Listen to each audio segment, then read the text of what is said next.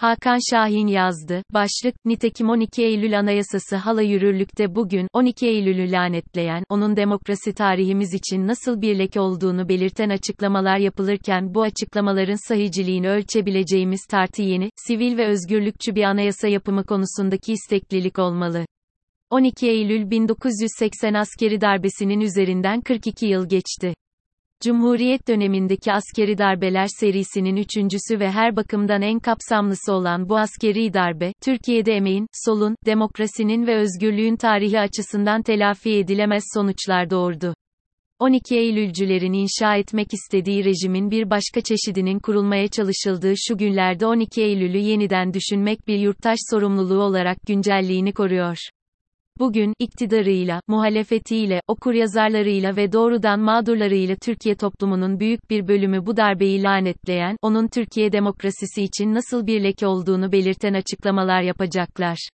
Ancak önümüzde, buz gibi, bir gerçeklik var, 12 Eylülcüler tarafından yapılan anayasa, hala yürürlükte. Bunun neden ve nasıl olabildiğini düşünmek, sözünü ettiğim yurttaş sorumluluğunun en önemli parçalarından biri sayılmalı. 12 Eylül, Türkiye'de toplumsal, iktisadi ve siyasal alanda geniş çaplı değişikliklere yol açmakla kalmadı. Aynı zamanda darbe yönetimi, 1982 yılında yürürlüğe giren ve günümüzde de geçerliliğini sürdüren anayasayı hazırladı. Bu bakımdan 12 Eylül, 1876'dan beri süregelen anayasacılık tarihimiz açısından da bir başka talihsizlik olarak zikredilmeli. Darbecilerin ülke yönetimine el koymasından sonra yasama yetkisini kullanmak üzere Genelkurmay Başkanı Orgeneral Kenan Evren, Kara Kuvvetleri Komutanı Orgeneral Nurettin Ersin, Deniz Kuvvetleri Komutanı Oramiral Nejat Tümer, Hava Kuvvetleri Komutanı Orgeneral Tahsin Şahinkaya ve Jandarma Genel Komutanı Orgeneral Sedat Celasun'dan oluşan Milli Güvenlik Konseyi, bugün hukuk fakültelerimizin anayasa hukuku derslerinde geleceğin yargı mensuplarına asli kurucu iktidar olarak öğretiliyor. Türkiye toplumunun kendisinin, üzerinden geçen 40 yıla rağmen, asli kurucu iktidar, olmayı başaramamış ve askerlerin yaptığı bir anayasa yerine sivil bir anayasaya yapmayı örgütleyememiş olması, en hafif tabirle düşündürücü. 1982 Anayasası'nın eskizlerinin aslında bu eskizler onun çekirdeğini oluşturacaktır. Nasıl kaleme alındığına ilişkin aşağıdaki bilgiler bu düşündürücülüğü belki de şaşkınlığa çevirmeli. Kenan Evren, Milliyet Yayınları tarafından 1991'de basılan anılarında o günlere dair çeşitli bilgiler veriyor. Buna göre, 12 Eylül darbesi, Genelkurmay karargahında, kısıtlı bir kadroyla ve mümkün olan en son ana kadar gizliliğe olabildiğince önem verilerek, Bayrak Harekat Planı adıyla, askeri harekat planlama usullerine göre planlanmıştı. Planlama emrini veren ve planlamanın başında bulunan Genelkurmay Başkanı Orgeneral Kenan Evren, Bayrak Harekat Planı'nın hazırlama çalışmaları sürerken kendisi de paralel bir çalışma yapmaktadır. Bu çalışma, yönetime el koyduktan sonra Türkiye'nin nasıl yönetileceğine ilişkin genel ilkelerin kayda geçirilmesidir. Evren bu amaçla yanında küçük bir not defteri taşıdığını ve ileride yapmayı tasarladıklarını, aklına geldikçe, makam aracında seyahat halindeyken, yürüyüş yaparken, askeri birlikleri denetlerken, çay içerken vesaire, bu deftere not ettiğini yazıyor anılarında. Bir takım değişiklikler bir yana bırakılırsa 40 yıldır yürürlükte olan anayasamızın çekirdeğinin, bir orgeneralin şurada burada, aklına geldikçe ve aklına geldiği gibi aldığı notların genişletilmiş ve, hukukçularca, gözden geçirilmiş bir versiyon olduğu gerçeği kulağa hoş gelmeyebilir, ama durum böyledir. Darbeden önce şu notları almıştır Kenan Evren, o küçük not defterine, aynen alıntılıyorum, anayasa çok teferruatlı. Daha kısa olmalı. Maalesef tam tersi oldu. 1961 Anayasasından da teferruatlı oldu. Sebebi, iktidarlar diğer kanunları kolayca değiştirebileceklerinden kanunlarda yer alması gereken hususlarda bu mülahaza ile anayasaya kondu. Kişi dokunulmazlığının hakim kararına bağlı olması. Bu, acil hallerde mahalli mülki makamlara da verilmeli.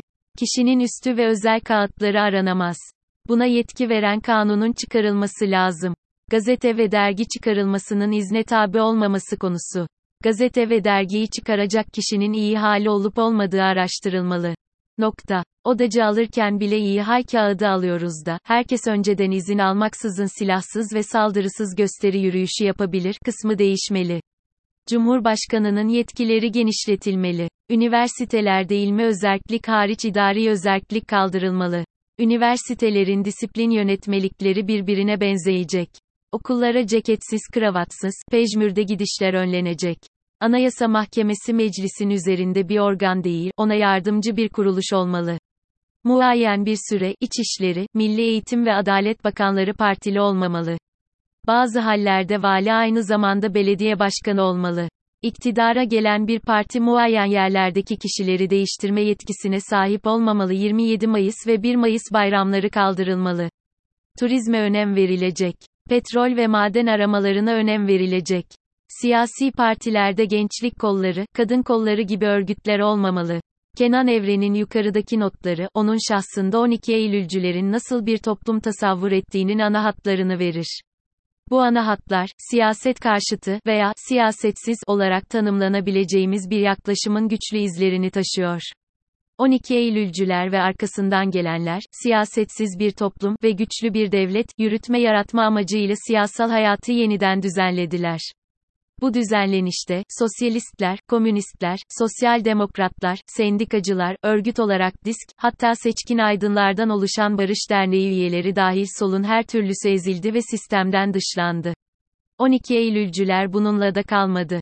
12 Mart sürecinde özgürlükçü ve eşitlikçi maddeleri zaten tırpanlanan 1961 Anayasasını, 12 Eylül öncesinde yaşanan anarşinin temel nedeni olarak görüyorlardı. Yeni, asli kurucu iktidarımız, anarşiyi önlemek adına, bireye ve onun özgürlüklerine karşı devleti kutsayan ve önceleyen anlayışı anayasal düzeyde kurumsallaştırmayı hedefledi. Taha Parla'nın ama anayasası olarak adlandıracağı üzere, anayasada kişi hak ve özgürlüklerine ilişkin maddelerin ilk fıkralarında belirli bir hak ve özgürlüğü saydıktan hemen sonra, izleyen fıkralarda o hak ve özgürlüğün nasıl olup da kullanılmayacağını da sayarak bu hakları ya fiilen yok etti ya da içini boşalttı.